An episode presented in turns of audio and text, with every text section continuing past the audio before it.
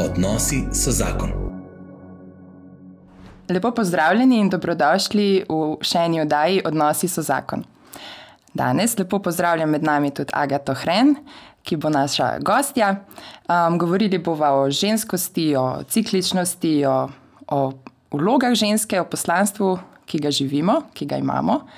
Um, zato vas vabim, da se nam pridružite, da nas poslušate, ker Agata o tem veliko ve, predvsem pa to, kar ve, tudi živi. Tako da začeli bomo s kratko molitvijo, meni očeta in sina in svetega duha. Amen. Dobri Jezus, prve, katerim si se pokazal po ustajenju, po, po smrti, pri ustajenju so bile žene, ki so prišle, ki so te iskale v grobu. In si jih ponovno potrdil tako na ta način v njihovi vlogi, v vlogi ženske kot prinašalke življenja. Prosiva te, da si z nama tukaj in tudi z vsemi, ki bodo, ta, ki bodo to oddajo poslušali, um, da nam pošiljaš svetega duha, da spregovori nežno in jasno, to si ženske vse želimo, na srce, da bi se zmogle odpreti tvojim navdihom in ti slediti. Slava očetu in sinu in svetemu duhu, kakor je bilo v začetku, tako zdaj in vse in vekomaj. Amen. Očeta in sina in svetega duha. Amen. Amen. Agata, prav vesela sem, da si se odzvala. Ja, hvala za povabilo. Um, dej, povej nam malo o sebi. Kdo si, um, kaj te trenutno zdaj najbolj navdihuje, mogoče? Ja. Tako tako banalno vprašanje, ki Ja. bi ga najbrž v teh letih mogla imeti. Čisto naštudiran, pa je zmeri ful težko odgovoriti. Um, jaz sem Angata, sem letos bom stara 30 let, Oh, um, 10 let poročena. Um, z Gašporjem imamo tri otroke, tako da to je en ta del, ki zdaj le se stoji, mislim, moj večinski del um, življenja oziroma družina, ki um, ja, zauzema res večino mojih kapacitet uh -huh. in mi je to tudi všeč. Um, sem pa po izobrazbi socialna pedagoginja. Um, ampak sem že v bistvu, po mojem, šla v študij socialne pedagogike z vedenjem, da nikoli ne bom um, nadaljevala v tej konvencionalni smeri. Um, tako da sem že v konvencionalni smeri študija, oziroma uh -huh. iskala vs- tako potem kakršno koli službo. se še spomnim, uh, se še spomnim, kar me je enkrat ena vprašala. Um, ja, kje bom kaj iskala službo, pa sem jaz rekla, jaz ne bom iskala službe. Kaj bo služba najdla tebe? ne, zato ker bom sama ustvarila svojo službo. Tako, tako. Um, tako da sem v bistvu uh, ena v- začetek moje te poti na poti do raziskovanja ženskosti, uh -huh. je bilo v bistvu srečanje z naravnim načrtovanjem družine. Uh -huh. S tem sva se z Gašporjem um, srečala že eno leto pred poroko, ko sva uh -huh. se odločila, da se želiva torej že prej um, sistema navaditi, naučiti. Uh, in pol je bil tudi v resnici Gašpor tisti, ki me je spodbudil, uh -huh. da sem šla to še študirati. Uh, torej, da bi bila jaz kot učiteljica um, za ženske, potem za naravno načrtovanje družine. Um, tako da sem se tega izobraževanja udeležila s sedemmesečnim Oliverjem. Oh, Uh, ja, je bilo kar. to je prvi otrok, Oliver? Ja, Oliver je prvi. Um, in sem v bistvu takrat vstopila v um, en ta svet ženske cikličnosti, en del bi jaz temu rekla. Aha. Um, znotraj tega um, mi je pa nekaj manjkalo in uh -huh. uh, tudi samo naravno načrtovanje družine, kar se mi je zdela super stvar. Um, Ker sem ga nekako osvojila v celem tem konceptu, ki ga naravno načrtovanje daje, uh -huh. se mi zdi, da je vse tukaj še nekaj drugega. Tako, da, je, Okej. da nam je ženski cikl bil tudi dan, ne samo iz tega, uh, da, da mora biti še nekaj več na podlagi. Mislim, zakaj um, Z nekim razlogom. Z nekim iskala en razlog. tako nekaj globjega, uh -huh. um, da ni naša ženska narava izključno uh, pogojena v, v smislu, pa da je vsa naša cikličnost nam dana v, s- zgolj v, v smislu, da bomo nekako uh, spočili otroka, a ne. Um, ampak da ima čisto vsak cikl svojo um, smiselnost. Um, tudi vsi tisti, v katerem se pač ne spočne nove življenje, ne? čeprav je to um, en višek, se mi zdi, celotne naše plodnosti, tako da dejansko lahko porajamo življenje, mm. ampak s, tako prav um, torej, fizično. Um, jaz sem bila pa prepričana, da v bistvu čisto vsak cikl na nek način poraja nekaj novega. Ne? Mm -hmm.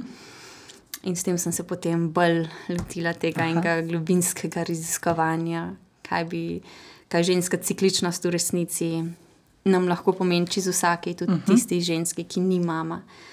Um, Super, jaz bi te zdaj le klele, preden greva na to žensko cikličnost, ki me zelo zanima, res.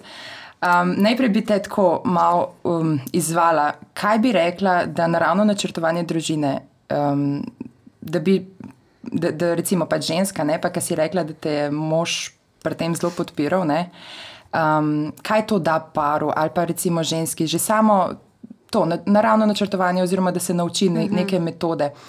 Um, kaj bi recimo rekla, da so prednosti glavne, ki jih ti sama pri sebi, predvsem, no, vidiš? Recimo?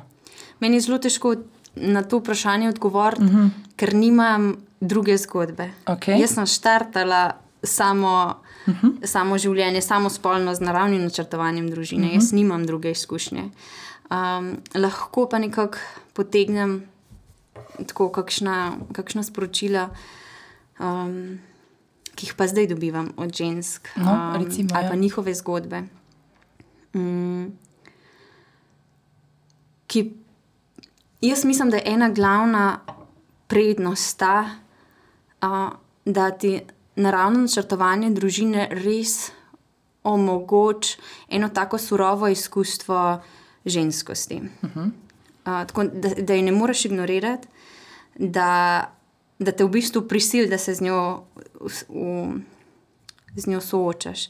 In da ne prisili zgor tebe, ampak da v to uh, povleče tudi tvojega moža. Uh -huh.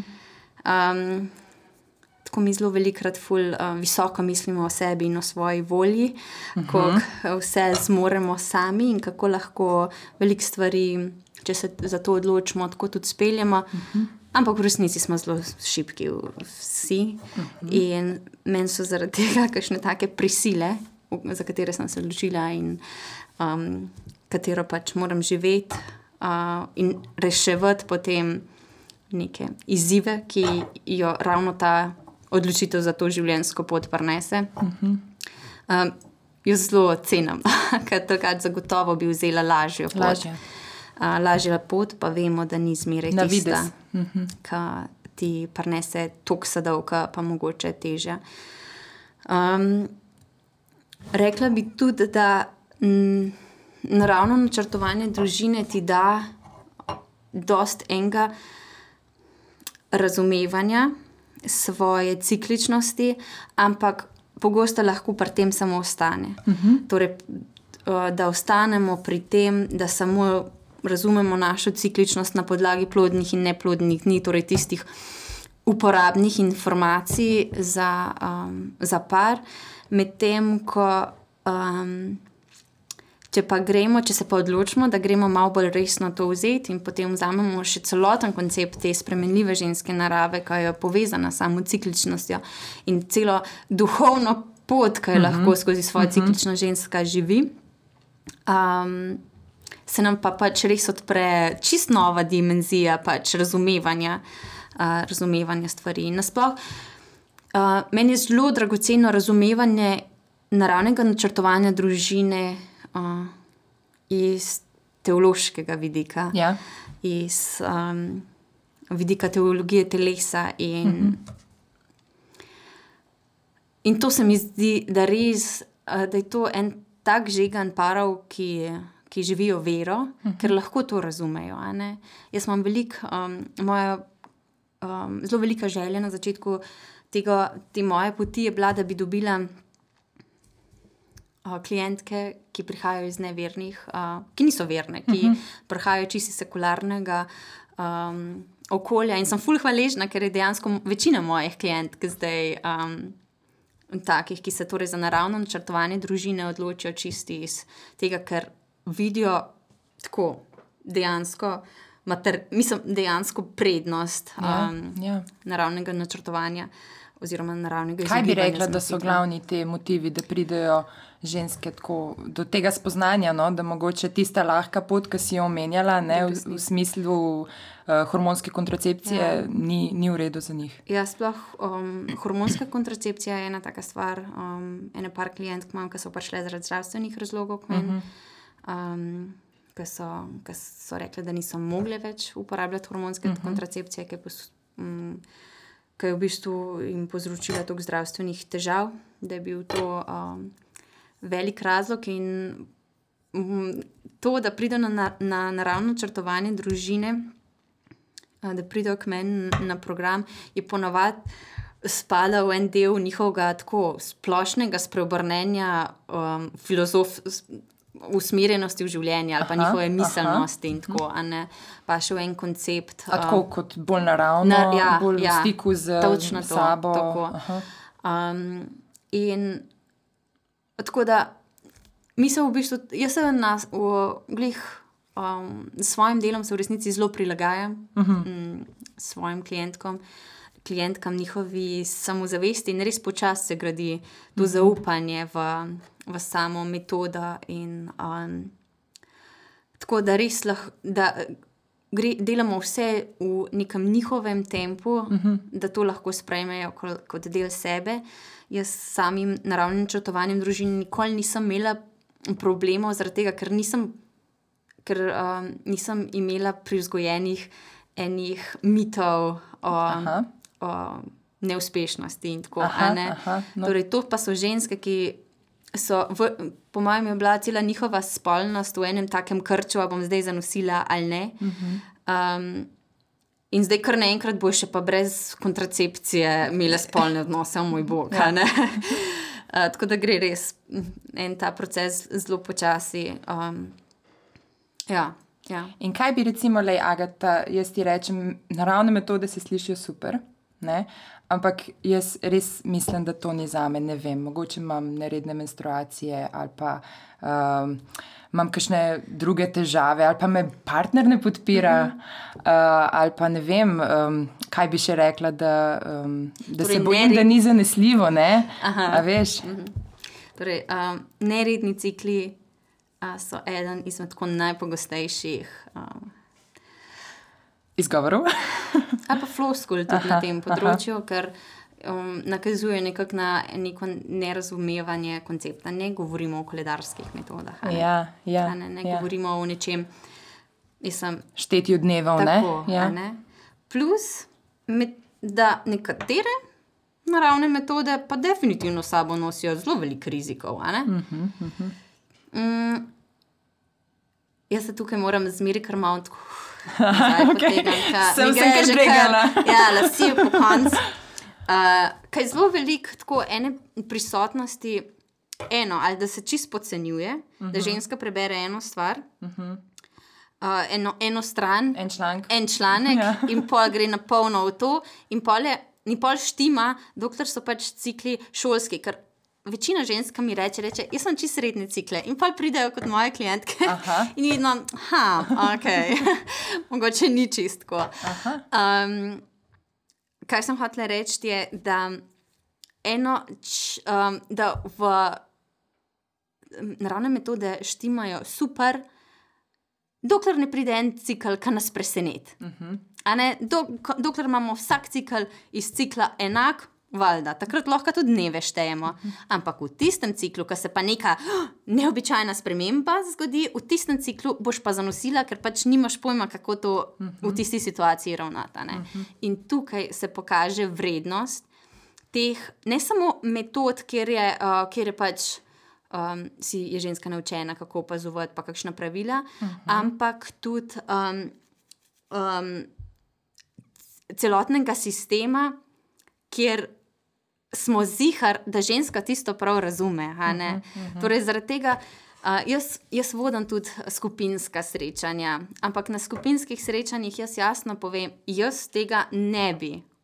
Teh informacij, ki jih ti dobiš na skupinskih srečanjih, jaz ne bi uporabljala za zanesljivo izogibanje zanositvi. Oziroma bi, dokler se sproščeno izogibam zanositvi, dokler sem v Dokler fazi. dopuščam, recimo, Tako, bo, pa bo. in točno tako. to, Ja, ne, ja. ne smemo iti uh, v to črno-belo uh Mhm, -huh, um, distinkcijo. Dokler sem jaz v enem tem uh, čustvenem stanju, da gradim družino, da bom, ok, mogoče mi zdaj, le, če pride ta otrok, mi je mogoče malo um, inconvenient. Neugodno, ne, tako, ampak ampak super, ne. ne. Mhm. Ja, to je nekaj čist drugega, kot pa da si ti v fazi. Zaključila sem z grajenjem družine, čutim, da je to, to nočem imeti več otrok. Če si ti v tisti prvi, ne, to je super, ne, uživaj en, eno to svobodo, ki jo čutiš, eno odprtost um, življenju, enemu presenečenju in tako. Če si pa bolj striktno v tem, pa moraš na tem nekaj narediti. Um, Moraš, moraš se malo spraviti v pogon, pa narediti en konkreten research, pa mogoče tudi kaj um, uh, energije v to vložiti.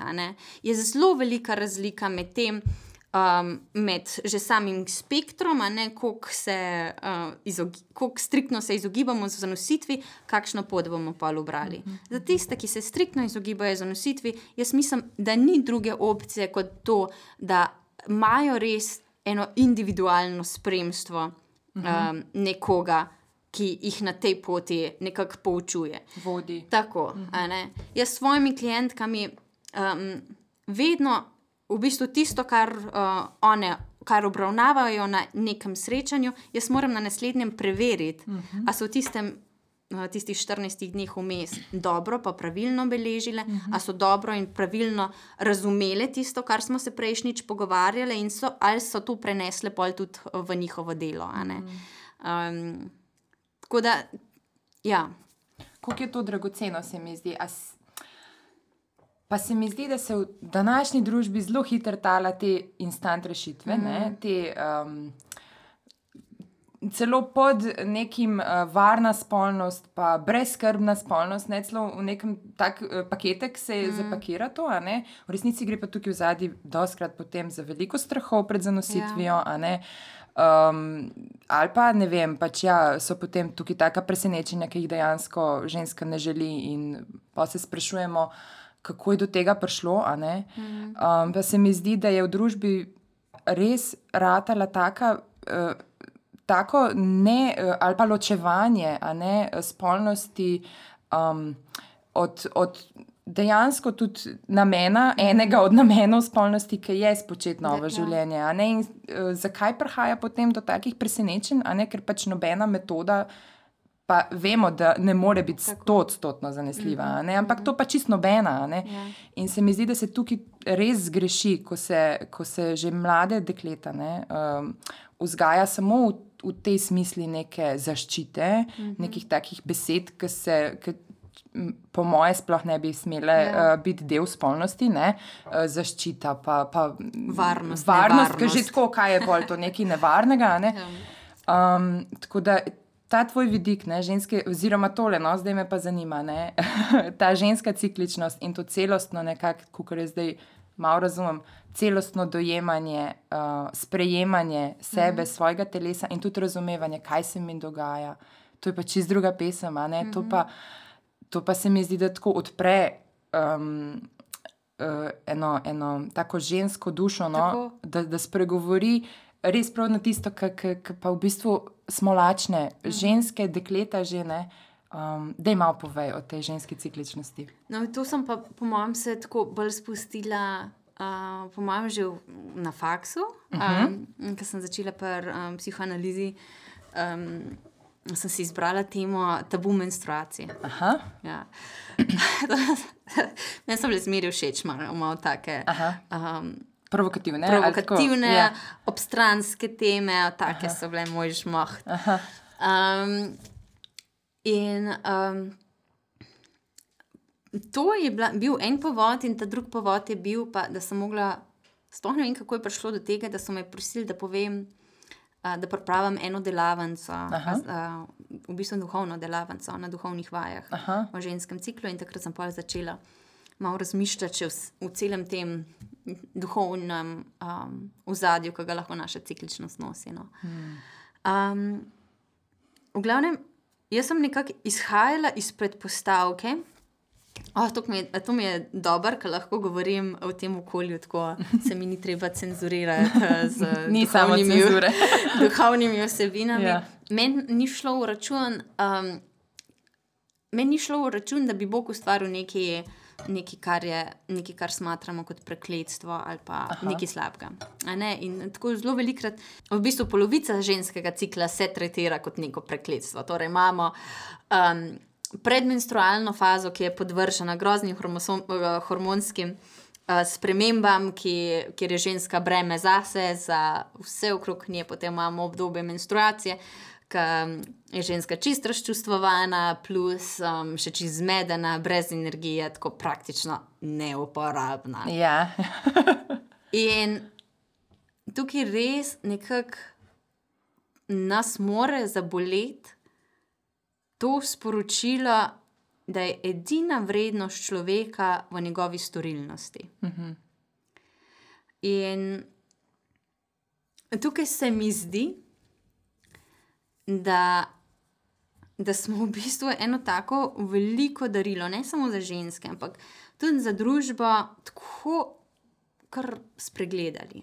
Je sploh, ker nam pač ni bila všeč, um, naš, nam ni bil všeč ta, ta vrečka od darila ali pa v kaj je bilo Ja. darilo zavito, pa, smo, pa z tega sploh nismo odprli. V resnici je pa ženska cikličnost ena tako čudovito sestavljena stvar, ki vedno strmi k balansu. Uh -huh. Imamo torej fazo cikla, v katerem je ženska blazno storilna, v katerem imamo, uh, ki je res. Uh, Ženska usmerjena, ja, ustvarjalnost v delo, v, v tako ek, ekstravertirana, torej usmerjena v druge, v ljudi, uh, usmerjena v en svoj, um, svoj razvoj, svoje, uh -huh. svoje delo, a ne ustvarja. Mm, imamo potem obdobje, ko ženska res nosi eno tako močno čustveno stabilnost, kjer je lahko eno varno zavetje za vse okrog nje, ne? kjer je lahko, um, kjer je nekako že po naravi tistega obdobja nekako bolj usmerjena v eno medijatorstvo, v eno uh, intuicijo, da laže začuti drugega, a ne? da, da imamo to eno arhetipsko, že- uh, materinsko fazo. Um, potem pa pride ta naslednji dve fazi, kjer se pa to obrne. In to je zelo težko razumeti. Razumeti je težko nam samim. raz- Najprej ženska. Tako. Ja. In težko je razumeti vsem okrog nas, zaradi tega, ker nočemo sprememb, ne, ne maramo Aha. sprememb. Nihče, noben človek se, po mojem, ne rodi s tem, da reče: Ful imam rad spremembe. Ja. In tukaj pride en tak, um, en tak obrat v notranji svet. Če smo prej živeli v zunanjem svetu, v eni storilnosti, v enih odnosih, se pa tukaj naredi en obrat. In nastopi faza, ki ni podprta z vsemi temi um, prijetnimi hormoni, kot sta re, recimo estrogen in progesteron, skrbita za to. Mislim, estrogenu se reče happy hormone, uh -huh. progesteron nas dela tako čustveno stabilne. In pol. Uh, ob koncu cikla pa ta hormonska podpora upade. In ne smemo dojemati hormonov kot nekaj, kar se nam dogaja. Aha. Hormoni smo mi, uh -huh. ne samo za ženske, tudi za moške. a ne. So del nas, tako, uh -huh. tako je? Uh -huh. to smo mi. In, in v tistem obdobju se pa nekako pokaže vse tisto, kar bi nas pa motilo, kar nas moti. Je tako ena faza, ki si mogoče nadamo ena taka drugačna očala gor uh -huh. in vidimo vse, kar v naših življenjih ne štima. Uh -huh. In um, jaz zelo velikokrat to razložim tako, kot veš, da imaš en um, nazobčen um, gorski greben. Ja. In pa v njih hormoni, a ne, kar rastejo, pač, ko si ti tukaj gor, ne veš, da tukaj spodaj bode. In pol, ko tukaj hormonska podpora pade, se tisto vse pokaže. a ne. In s tem ne mislim reči. Um, jaz mislim, da je v tem obdobju glavna sprememba, ki jo je treba, treba narediti v enem um, obratu razumevanja tega področja. Mm. Da ni to neko prekletstvo in breme, ki ga moramo samo pregurati. Tako. Ja, ja. Ampak da se vprašamo, kaj nam, nam, pa, kaj nam pa želi to obdobje po, povedati, kaj nam mm. želi sporočiti, zakaj je smisel tega, področja, tega obdobja. Mm. In glavna stvar tega obdobja je, da nam pokaže recimo, vse tisto, kar nas, kar nas nevir, nervira, kar nas. Ene potencijalne problematike, da pokaže temno stran, da pokaže tudi našo senco. Mhm. Ker ni samo, da nas moti vse okrog nas, to je ponovadi tudi obdobje, ker imamo največ enih osebnih kriz, ker največ imamo najbolj. Um, Je naša samozavest najbolj načeta, uh -huh, uh -huh. ker imamo občutek, da nam nič ne gre v življenju. In zelo velikrat, ko ne pristopimo do tega zavestno, se zgodi, da smo pa res v, v enem takem kaotičnem stanju. Ni pa treba, da do tega pride. Če bi pa v to vstopila zavestno, da bi recimo že svoje življenje planirale po, po ciklu, a ne zdaj ja. imamo, recimo, vem, za en mesec naprej si nekako razporediš.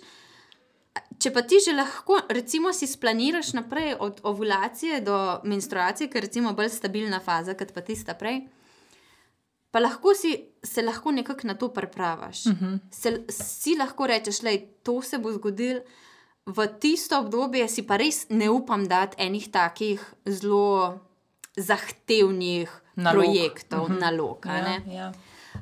Oziroma, če se temu ne moreš izogniti, da pravočasno prosiš za pomoč. Uh mhm. -huh. Da rečeš, ne vem, da rečeš možu, da je ta mala ima rojsten dan, jaz takrat ne bom mogla, bo, mislim, ali pa če ne bom s folgalami, lahko, se lahko zmenila, da uh, ti nekako stopiš. Želim, noter. da recimo, to pa to ti poskrbiš. Tako, ja, ja. Uh mhm. -huh. če, če bom jaz videla, da meni ne bo šlo, ali pa da me uh -huh. bo uh, preveč um, znerviralo vse. Um, Zagotovo, torej zdaj smo čisto eno to fazo vem, vsakdanjega življenja pokrili, um, nam pa ta faza ponuja še veliko več. Ja. In ta je, če si takrat, torej nekakšna naravna tendenca je, da, nam, da nam takrat tudi mogoče ljudje grejo malo bolj na živce. Uh -huh. Prav v tem uh, obdobju pred, menstrua pred, uh -huh. pred menstruacijo. In takrat, namesto da se silaš v to, da si v družbi, si lahko rečeš, pa se malo vzameš časa za to. Vzameš eno knjigico, pa greš Točno na kavč. Pa. Točno Tako. to. Še boljš pa je. Pa če... se ne počutiš krivo. Točno imaš, to. Ja. Recimo, kaj drugega za početi. Ne, ne, ne smeš se počutiti tako. krivo.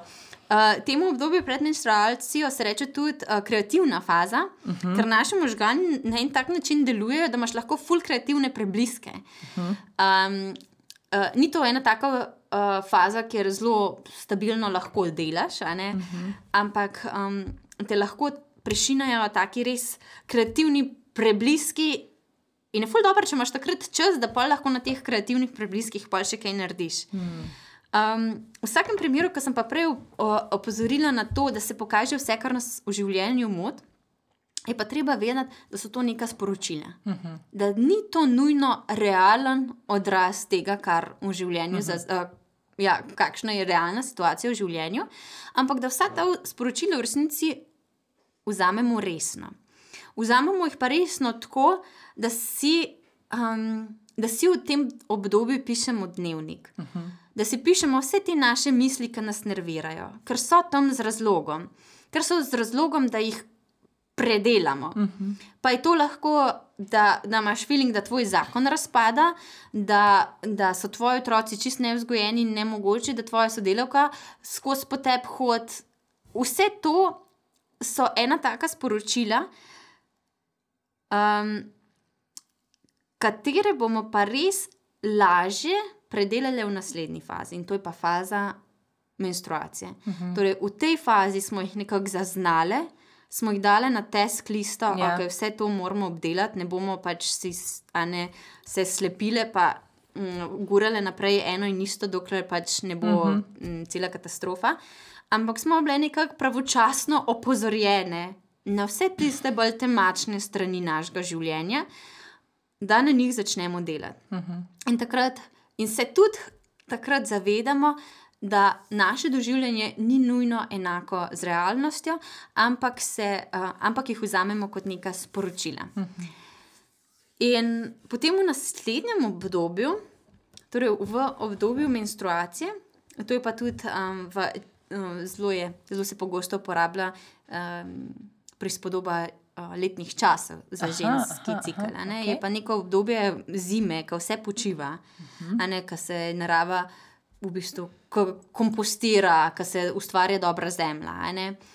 In to je spet ena taka drastična, um, kako ne rečem, tako drastičen poziv naši usmerjenosti v storilnost. Yeah. Ker v bistvu fulj se lahko naučimo iz narave in iz tega, kako je zima blazno, smiselen letni čas. Potreben, ne? Definitivno. Um, kako, kako je sneg tisti, ki se počasi topi in najbolj kvalitetno napoji zemljo. Kako dobra, mrzla zima ti uniči fulj škodljivcev. Mm -hmm. In, um, in nekako da naravi možnost, da v naslednjem letnem času spet v, v polnosti vzbrsti. Hmm.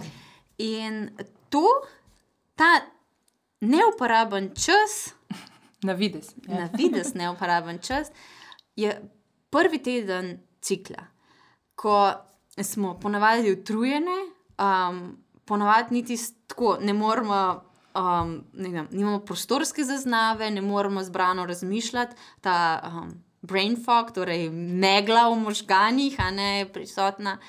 Uh, lahko so še kakšne, uh, lahko so prisotne še kakšne bolečine in tako. Um, in če gledaš res iz vidika same storilnosti, pač to je res useless, mm. mislim, neuporaben, uh, neuporaben um, čas.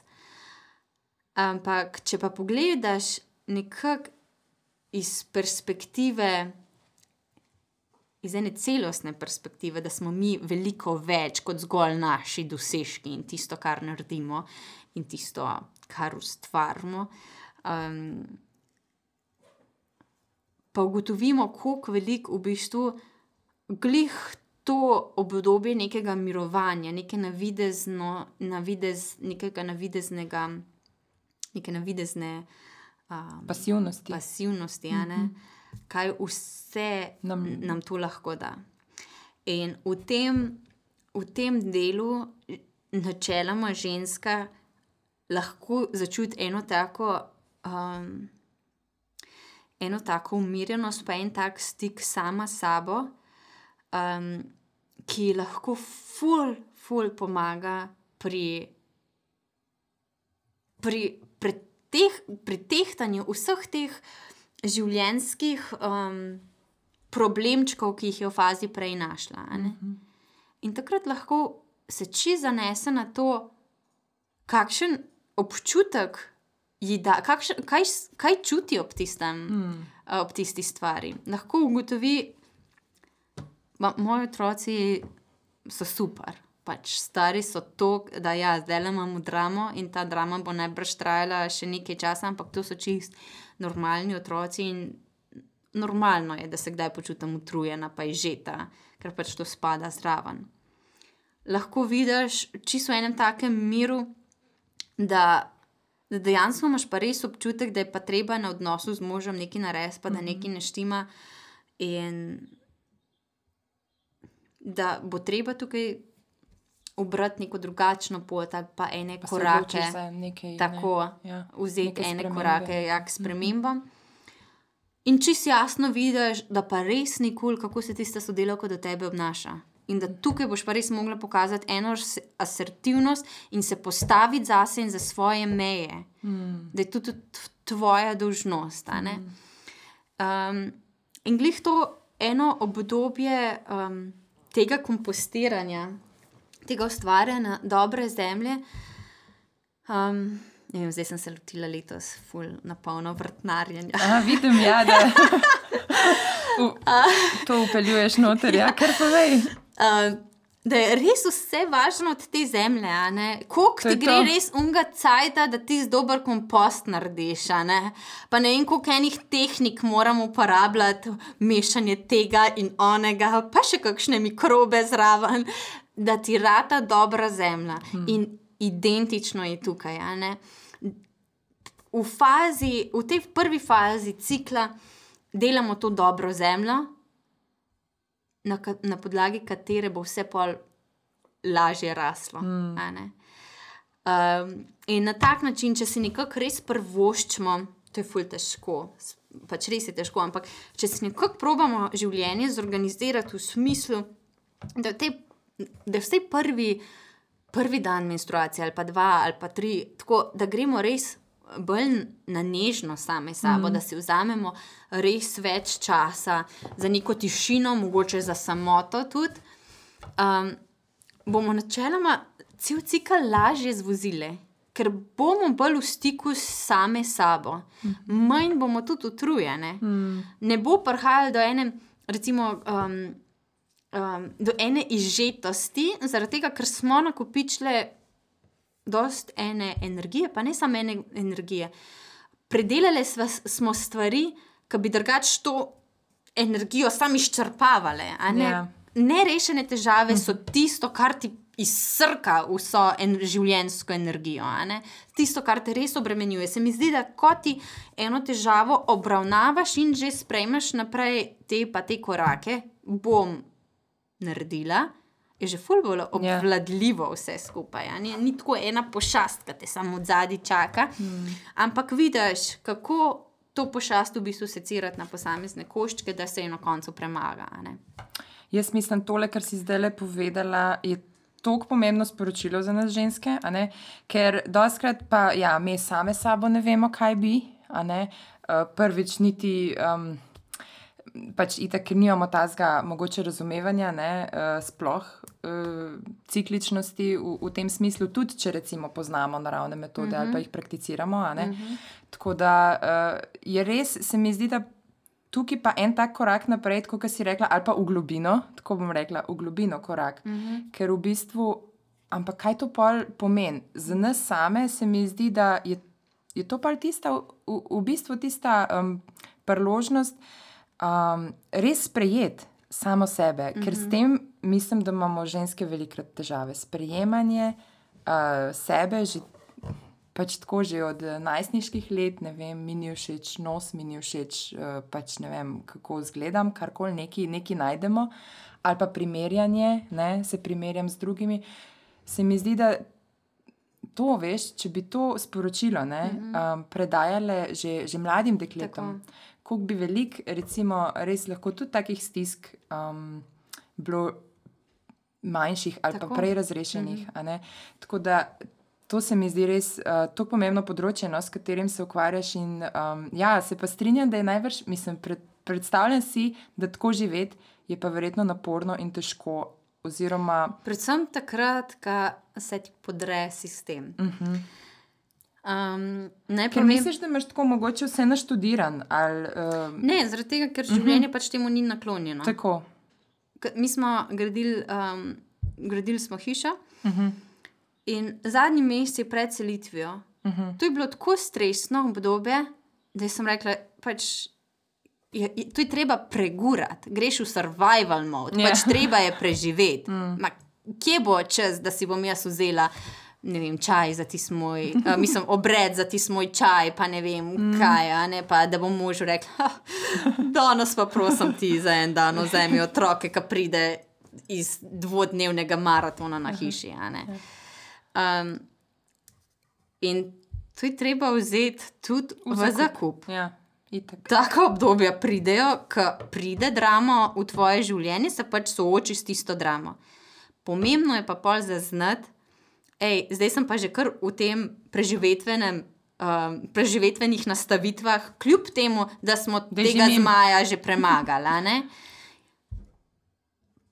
pa dejansko lahko izstopim ven iz te vojne. In ful težko je v bistvu to, to reči, pa zaznati, da si rečeš, ok, varna sem, stvari imamo pod kontrolo, zdaj pa imam spet priložnost, da, da najdem samo sebe v vsem tem, Da kar grem nazaj v stik. ne? Ja, ja. Uh, in takrat je na nek način treba vse na novo, ker nisem sama. Jaz živim v, svojem, v mojem sistemu, živim v družinskem sistemu, uh -huh. živim v sistemu, z, mo, s temi, s katerimi sodelujem. In na nek način se je treba spet ponovno repozicionirati v vseh teh uh, sistemih. In ja, to je pa kar zahteven proces. ne. Um, se mi zdi pa, da je vredno, ker na tak način, ko smo ženske v stiku same s sabo, lažje tudi, um, lažje tudi skrbimo za eno čustveno vzdušje v vseh teh sistemih. ne. Zelo velikrat se, um, se ne zaveda, koliko je, recimo, če uh, koliko ženska odnese tega enega balansiranja, uh -huh. da, da sistem v družini funkcionira. Da se vsi počutimo Tako, da se redu, dobro počutimo. Mislim, da je... Kaj, jaz vem, da je, vem, da je moj mož tri noči po noč delal za službo, vem, da bo crknen in najbrž tudi zelo tečen, hmm. da so otroci ful zmatrani.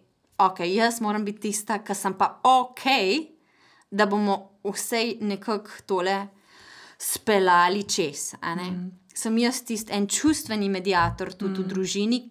Um, pač, če, če sem pa še jaz izpraznjena, jaz se suta, pa je pa kle kolaps. Ja. Pa se pa cel sistem sesuje. Um, in ga si prej omenila, koliko bi bilo, uh, a ne če bi že mlade punce to z, um, spo, s tem sporočilom živele.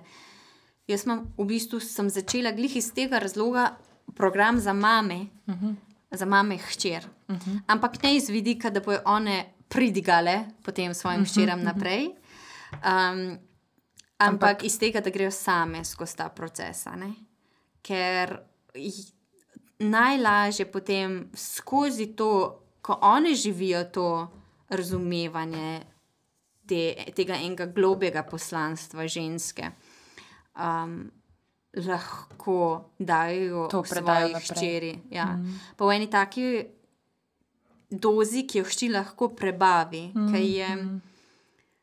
Ker se, smo zelo različne. Ne? Nekatere so naravno jih to zanima, jim je tako Privlačno privlačno mm -hmm. druge pa ne, so pa bolj zadržane na tem področju in na tak način, a ne si hči vzame tisto prebavljivo enoto, ki jo um, lahko integrira v svoje mm. življenje. Lej, ki si rekla poslanstvo, ne, žensk, ne, pa vem, da si pač žena, pa mamica. Ne, um, pa že prej, ko si omenila to cikličnost in tudi to, da v resnici vsak cikel, si rekla, uh, nekako, če sem prav si zapomnila, uh, lahko nekaj ustvarimo, oziroma se rodi Novega. nekaj novega. Ne. Um, pa da je peva samo malo na tvoje materinstvo, oziroma na to vlogo ženske. Lej, glih danes, ki tole snemava, je 13 let, odkar sem jaz rodila prvo hčerko, se pravi, odkar sem postala uradno mama. Uh, moram reči, da recimo za me konkretno, moj prvi porod ni bil sanski, mm. je bil daleč od tega. In sem imela tudi. Um, Težko, težko um, sem ga predelovala, no, še pol po porodu. Um, sem res uh, čutila prav eno tako veliko odgovornost, ki jo imam, ne, do pač tega, da sem postala mama in da moj otrok nima druge mame, ne, in da bom jaz mogla biti uh, pač najboljša, kar bom lahko, oziroma dovolj dobra ne, za svojega otroka. Uh, hkrati pa še toliko uh, tisti, ki je prvi porod, itak čisto presenečenje. Ne vem, če se lahko v resnici pripraviš um, na vse, pač, uh, kar doživiš. Um, kako si ti doživljala, recimo, svoje začetke v materinstvu? No? Pa ker vem, da imaš tudi izjemno uh, porodno zgodbo, pol vsaj uh, sta tretjo hčerko, mm. ne, mislim, sta tretjim otrokom. Um, malo podeljeno te svoje uh, materinske plati. Um, meni je porod ful zanimal, že preden sem sploh mm. bila noseča. Tako da, um, ko sem bila uh, z Oliverjem noseča, sem bila na porodni konferenci, kjer so bile babice pa dule, tako pa, pa jaz. Uh, tako da to področje, jaz mislim, da to je bil en tak blagoslov hmm. za me. Uh, tudi uh, porodne zgodbe, ta zadnja porodna zgodba moje mame, pa moje hmm. tete. To je res ta blagoslov velikih družin, hmm. ker se lahko že ful velik naučiš iz. Um, Iz tega svojega izkušenja, okolja, ne, iz izkušenj. Pač, ja, Drugih ne. Tako. Yeah. Ja. Mm, in jaz sem vedela, kakšne zgodbe so lahko, torej, uh -huh. um, ali pa kakšne zgodbe se večinoma dogajajo v naših porodnišnicah. Vedela sem pa tudi, kakšna zgodba, kakšna zgodba, um, kakšno zgodbo pa lahko imam. Uh -huh. uh, in jaz kot. Control freak. to sem malo zaznala, ja. ampak ne se. Vse se najdemo v tem, zato sem to zaznala. Ja. Jaz sem šla tako, jaz si bom zaslužila dobro porodno zgodbo. Uh -huh, uh -huh. Jaz sem bila torej na konferenci. Jaz sem kot po tekočem traku brala vse porodne knjige, pa ne samo modrost rojevanja, pa moj porodni načrt. To je tako osnova. pač jaz sem v tisti nosečnosti prebrala cel kup knjig. In jaz sem vedela, po mojem, o samem porodu tok, da povprečna porodnica ve 5% od tega. Uh -huh. In jaz, ve, in jaz sem imela občutek, da je pa to, to kar, raba, kar res rabam za osrečujočo porodno zgodbo. Še dulo sem imela, val, da ne greš. Pa še na jesenice sem šla roditi. Mislim, kako, vse sem poklukala, veš, vse prave odločitve sem naredila. In pa pride ta porodna zgodba, ki, by the way, je bila, um, je bila dobra, uh -huh. Jaz sem bila med, med samim porodom spoštovana, do pikice so spoštovali moj porodni načrt.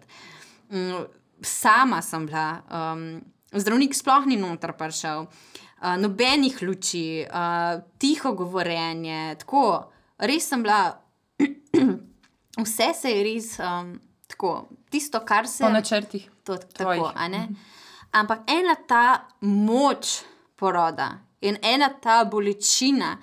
In vse ta boj, ki je prišel zraven, jaz sem imela pa skozi občutek, da sem se pripravljala in zdaj, in zdaj me kar tako le predeluje. Kar, kaj, kaj se dogaja, kaj se dogaja, jaz tega ne štekam, ne razumem. Ne? Um, in naj povdarim, za enega, za. Porod je bil lep porod, torej za vse normative, ampak moje doživljanje je bilo pa tisto, kar sem si mislila, uf.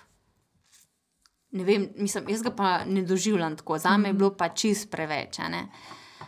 Um, sem čist preveč stiske čutila, čist preveč enega strahu, um, tako ene zmedenosti in mhm. vsega tega. Ok, in pa pride. Um, Druga nosečnost, takrat mi je bilo že čisto jasno, da bom pač rodila doma, ene ženske smo pač narejene za to, da moramo roditi doma, da ne gre drugače. Um, takrat sem imela eh, že torej svojo babico, ki me je spremljala. In ob njej um, sem jaz res dobila ta, to eno podporo, tako da sem, re, da sem ji res lahko čist zaupala, tudi v eno to njeno strokovnost, ki je v bistvu čistko na podlagi teh, mm, te njene skrbe in pregledov, ki jih je imela mm -hmm. že torej čez mojo nosečnost, smo dejansko ugotovili, da so bile določene specifike mojega telesa lahko pogojene za tak naporen porod, v resnici ta prvi mm -hmm. porod. Uh, skupaj z njeno pomočjo smo že šli v, um, tako v, um, v tej drugi nosečnosti, potem v neke tehnike, mhm. pripravo, tehnike priprave, ker smo že, že opazili, da mhm. se mi isto stanje ponavlja, torej Aha. diastaza. Aha. Uh, otrok, je v, otrok je bil v posteriorni legi, torej ni čist optimalna lega. Plus, da je bila najbrž posledica tega tudi, da. Uh, se meni porod, kar ni, ni začel. Mhm. In pol na koncu. To mi je znano. Ja. Uh, In še to, jaz sem bila prepričana, da bom rodila prej. Aha. To je bilo najbolj traumatično obdobje mojega življenja. Vsak dan zvečer Vsak sem dan. jokala, ker sem pa vedela, da samo do 14. dneva lahko Čak. rodim doma.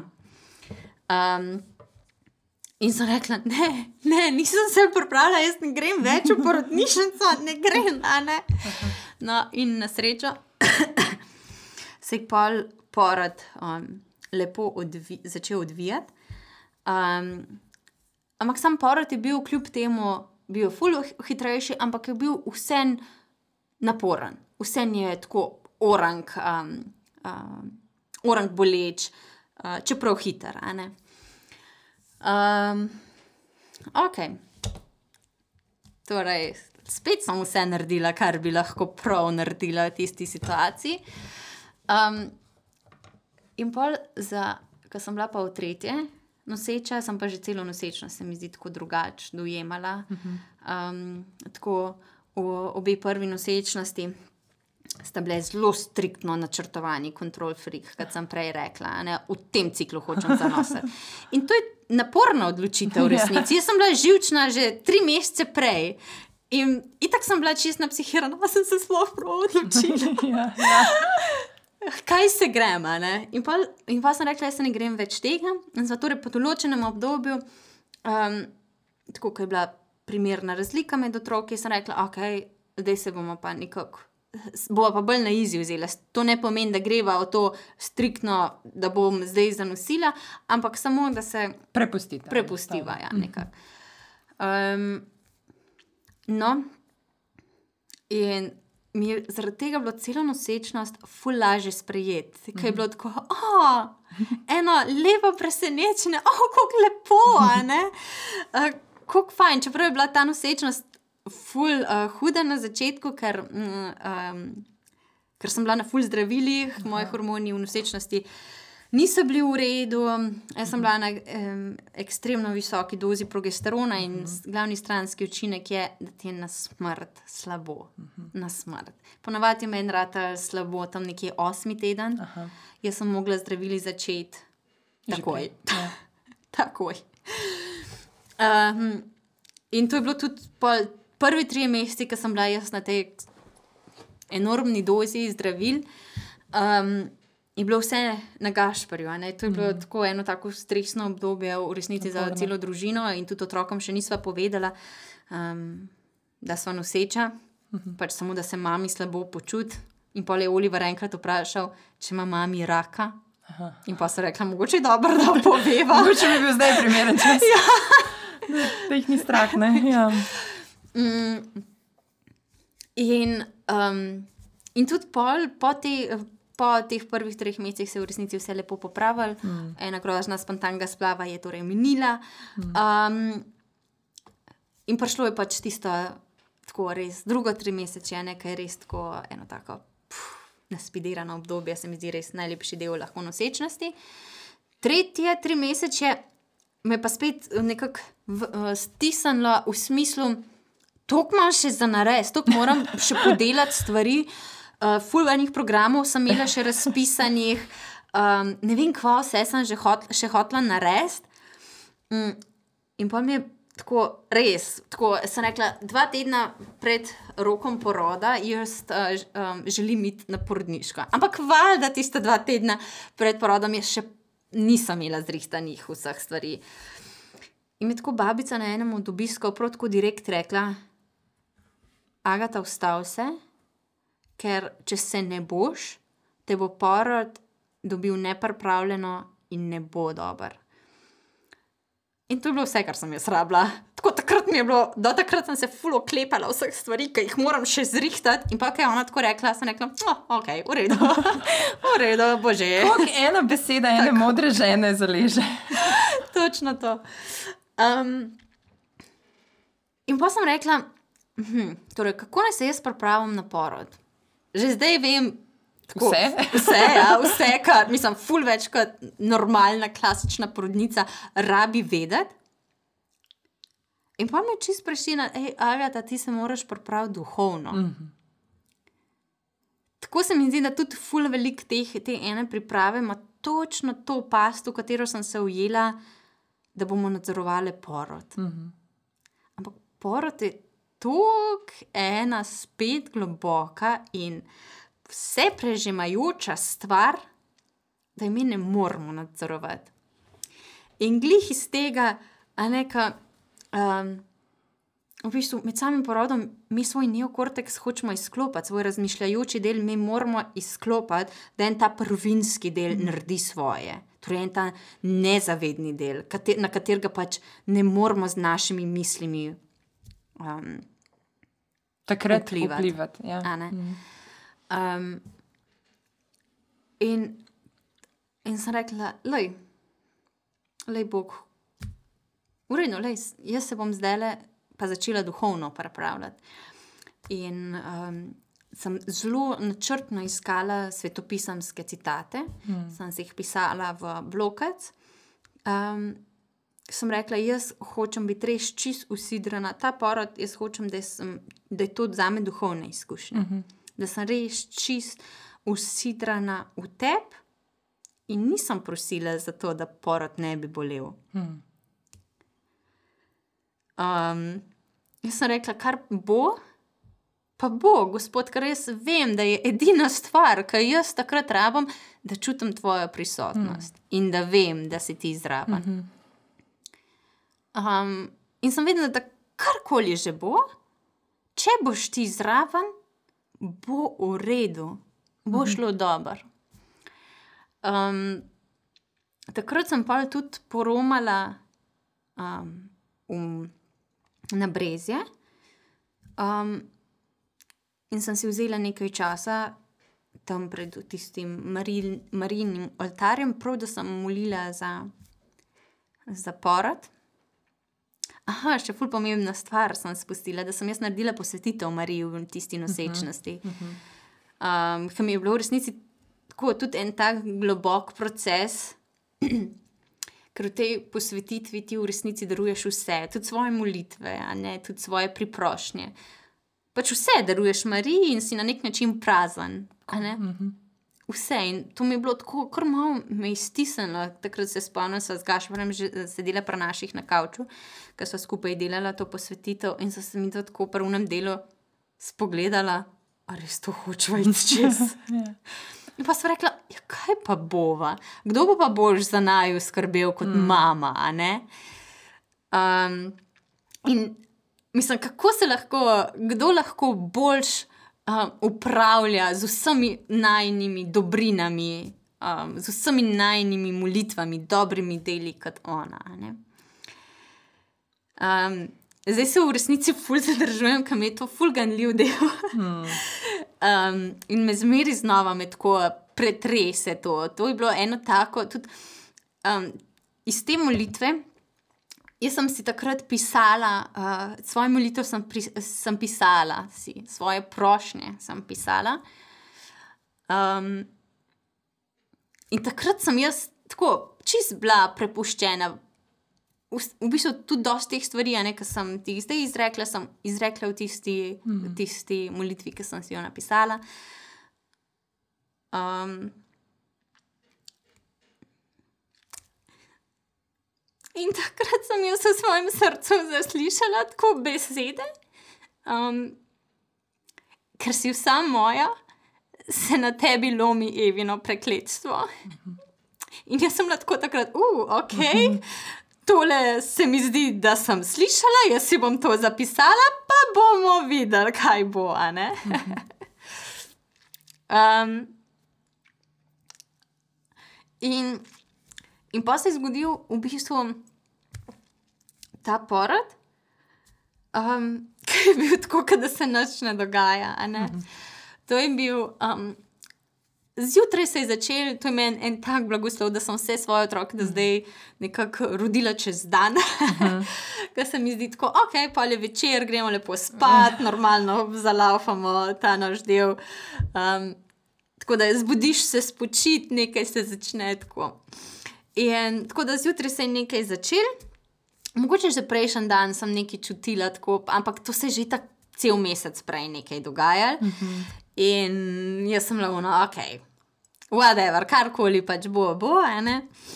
Uh, sem vse en babici, tako vjavila, da nekaj je, Ampak itak najbrž ni nič, pa res nisem hotela imeti tega feelinga, da me nekdo čaka. Hmm. Zmenjena sem bila s tremi kolegicami, ki v resnici um, pač nisem vedela. Mislim, tako je bilo, da je zmeraj ena nekaj imela, da sem pa res hotela imeti tako odkljukan, uh -huh. da bo za otroke nekdo poskrbel. Ampak uh -huh. v bistvu se je se je tako poklopil, da so čisto vse imele čas. mm. In tako so one, v bistvu, babice, ko je že babica prišla, ko smo rekli, da je to, um, da, se je, da se je zdaj pa že res najbrž nekaj začel. Um, sem babici rekla, tako, da, lah, da lahko še spodaj počaka. In sem jaz s, tem, s temi svojimi puncami in z Gašporem. Smo imeli slavilno molitev, smo pržgali kadilo, čez vse te, tako, res je bilo tako en tak tisto, kar sem si želela. En tak, uno, le, gospod, da ti uh, prežemi to, ta prostor s tem kadilom in res bod prisoten um, tukaj zraven. In, in potem, ko je prišla. Ko je prišla babica, pa so ji tako, po mojem, začeli s postavljanjem bazila, ne spomnim se. Jaz sem se takrat pač odmaknila. Um, meni je, sem tak tip, da mi je, bilo, da mi je najlažje roditi, če imam občutek, da tako življenje teče dalje. Uh -huh, Mene je ful uh -huh. pomirjal, da sem tam slišala, da se imajo pač oni dobro, da se neki hecajo, da se otroci, igrajo, da se otroci da kopajo. Se, ja. pač, za tiste trenutke, ki sem imela popadek, sem se pač zaprla, um, zaprla v kopalnico, v svojo temo, v en svoj prostor. In potem, ko je postalo intenzivno. V resnici ni postalo intenzivno v smislu, da bi bilo boleče. Uh mhm. -huh. Sem zmogla sem eno to totalno prepustitev. Imela sem tiste svoje svetopisemske citate, um, ki, ki so me popolnoma tako izročili v eno, v eno božjo. Um, Navzočnost, da se povsem prepustim Bogu, in to je nekako tisto, kar si v resnici za sam porod želiš, ne? Mm. da ne prideš do tega ene zakrčenosti, ampak da se zmoriš povsem sprostiti. In kljub temu, da sem jaz čutila, da porod postaje bolj intenziven, um, za, noben popadek jaz ne bi mogla reči, da je bil boleč, mm. da me je bolel. Wow. In, in potem, ko sem, sem v bistvu že tako čutila, ok, zdaj bom pa po mojem rodila. Mm, pa sem pašla v bazen, pa se kratko nehalo vse dogajati. Okay, jaz sem v bazenu 15 minut, sem lahko, okay, lahko kakšno serijo gledamo. Pač. Um, in pa so prišli trije popadki, trije popadki, ki so recimo. Um, ja, jaz pri tisti pauzi sem si mislila, pismo, a se je vstala. Spet ne. a, a mogoče to sploh noč ni bilo. Ja. A, mogoče, a se mogoče šele začne. Še bolel te ni, ne? Ja, ja. Če res. pač, aj to, to. Aj, aj, ne vem, mm. kaj če zdaj ne bo nič. In pa so prišli, pa so prišli trije popadki, ki so pa res tako usekali, ki so pa res zaboleli. In pa sem začutila, da okay, zdaj bom rodila in sem gašprju zatežila. to je tako un del, uh, ki ga je uh, ta prijateljica, ki je porod snimala. Tako, tako bila vesela, da je ta del ujela, da jaz tako rečem, gašprju, gašpr, pridnot. Pa gaš pred tako, mislim, meni se zdelo, da se on obira tistih deset minut, končis ni vedel, kaj je. Pa se konče ti je zdelo cela večnost. Ne? A se moram zdaj sleči, ali naj grem kar obleči, ali pač ko stojim. Priče noter in pa on, ah, hiter stop noter. In pa sem, in pa sem jaz rodila. Mm. In, in to je bilo to, in to je bilo to, in to, vsi so bili tako, a to je to. A to je to, in ena babica, ki je, mm, ki je sicer tudi, uh, tako, mislim, dve babice sem imela, pa ena še tako, uh, je v bistvu nisem imela. Ena prijateljica je tudi babica, ki se je mhm. nekako ujela, da je lahko prišla še k menglih. Um, in rekla, da tvoj porod mi je dal krila. Mhm. In, in jaz sem tako. Edina stvar, ki mi je pri vsem tem ostajala, je, a tako to zgleda, kar res povsem prepustiš vajeti. Mm. A to se zgodi. Um, in v bistvu ta porod, ta porod je meni ena izkušnja uh, ali pa ena stvar, h kateri se vedno znova vračam, ko se sprašujem, kako konkretno lahko Bog deluje v mojem mm -hmm. življenju. Mm -hmm. um, in ne vem, ta. Meni se zdi, da je bil ta porod tudi ena taka potrditev vere. Mm. Um, v eno to spremstvo Boga, spremstvo Marije, um, kako se lahko kvaliteta življenja čist obrne. Hmm. In ko se prepustiš. Tako, hmm. tako ali pa ko jih res tako konkretno povabiš v življenje. Um, in jaz še zdaj, Frida bo um, kmalo stara dve leti. Uh -huh jaz imam še vedno občutek, da, da kar hodim po oblakih. Mm. Tako zafrkavam se, ne tega ne bom v kamero rekel. Kaj zdaj moš povedati? She's my favorite child. Ej, sam je porodna izkušnja, ful, zelo pomembna. Ampak no. ni, mislim, tako se mi zdi, da, da vse pol tako steklo. Res je. Tako v, en, v enih rožcah sem bila res. Mm. V, tudi v teh njenih prvih, pa čeprav so bili to zelo naporni meseci, takrat šolanjem od doma in vse, Aha, ja, ja. je bilo res, res hudo. Ampak mene, mene taki eni prijetni občutki prevevajo vedno. Mm, Ko se spomnim celotne te zgodbe z njo, hmm. do zdaj, do zdaj je smiselno pismo, kako si se nama ti posrečila. mm, tako res vidim tudi en ta blagoslov, uh, ki ga nov otrok lahko prinese celi družini, a ne kaj ni samo eno to. Um, Kako ne rečem, dodatno breme, pa mm. fulnoga dela, ampak se čisto spremeni dinamika, mm -hmm. ker se med njimi spremeni dinamika. In to, po mojem, res lahko v polnosti vidiš, šele ko imaš več otrok. Mm -hmm. um, in v bistvu skozi tudi njo, nekaj moja prva punčka, Um, jaz, jaz imam tako, pa nikoli nisem prej, mislim, jaz sem reči vesela, da sem imela prva dva fanta. Nekako tako um, se mi zdi, da čez dobro znam delati s fanti. Uh mhm. -huh. Ampak jaz sem bila njej kot punčke tako vesela, tako, ja, res, res uh -huh. mi je mhm. ful velik, uh, ful velik pomenil to, uh mhm. -huh. da, um, da sem jo dobila. Ja. Um.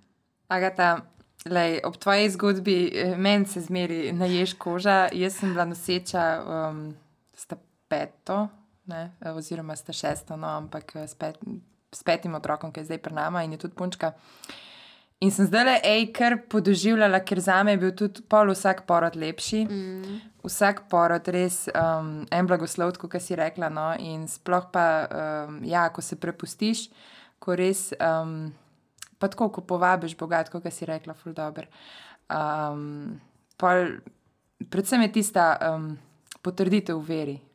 To mi ostaja le in verjamem, da si to svojo zgodbo um, še koga nagovorila, ne samo mene, ampak res, res hvala ti. Hvala tudi vsem vam, ki ste. Uh, prišli do konca te oddaje skupaj z nami, eh, vse vabim, da všečkate naš eh, YouTube kanal, da stisnete zvonček, da se naročite, eh, tako da boste vedno na tekočem z našimi oddajami, pa da nam sledite na Facebooku in tako um, pomagate skupaj z nami um, graditi odnose, ki jih je vredno živeti in uh, predajati naprej. No. Hvala še enkrat, Agata.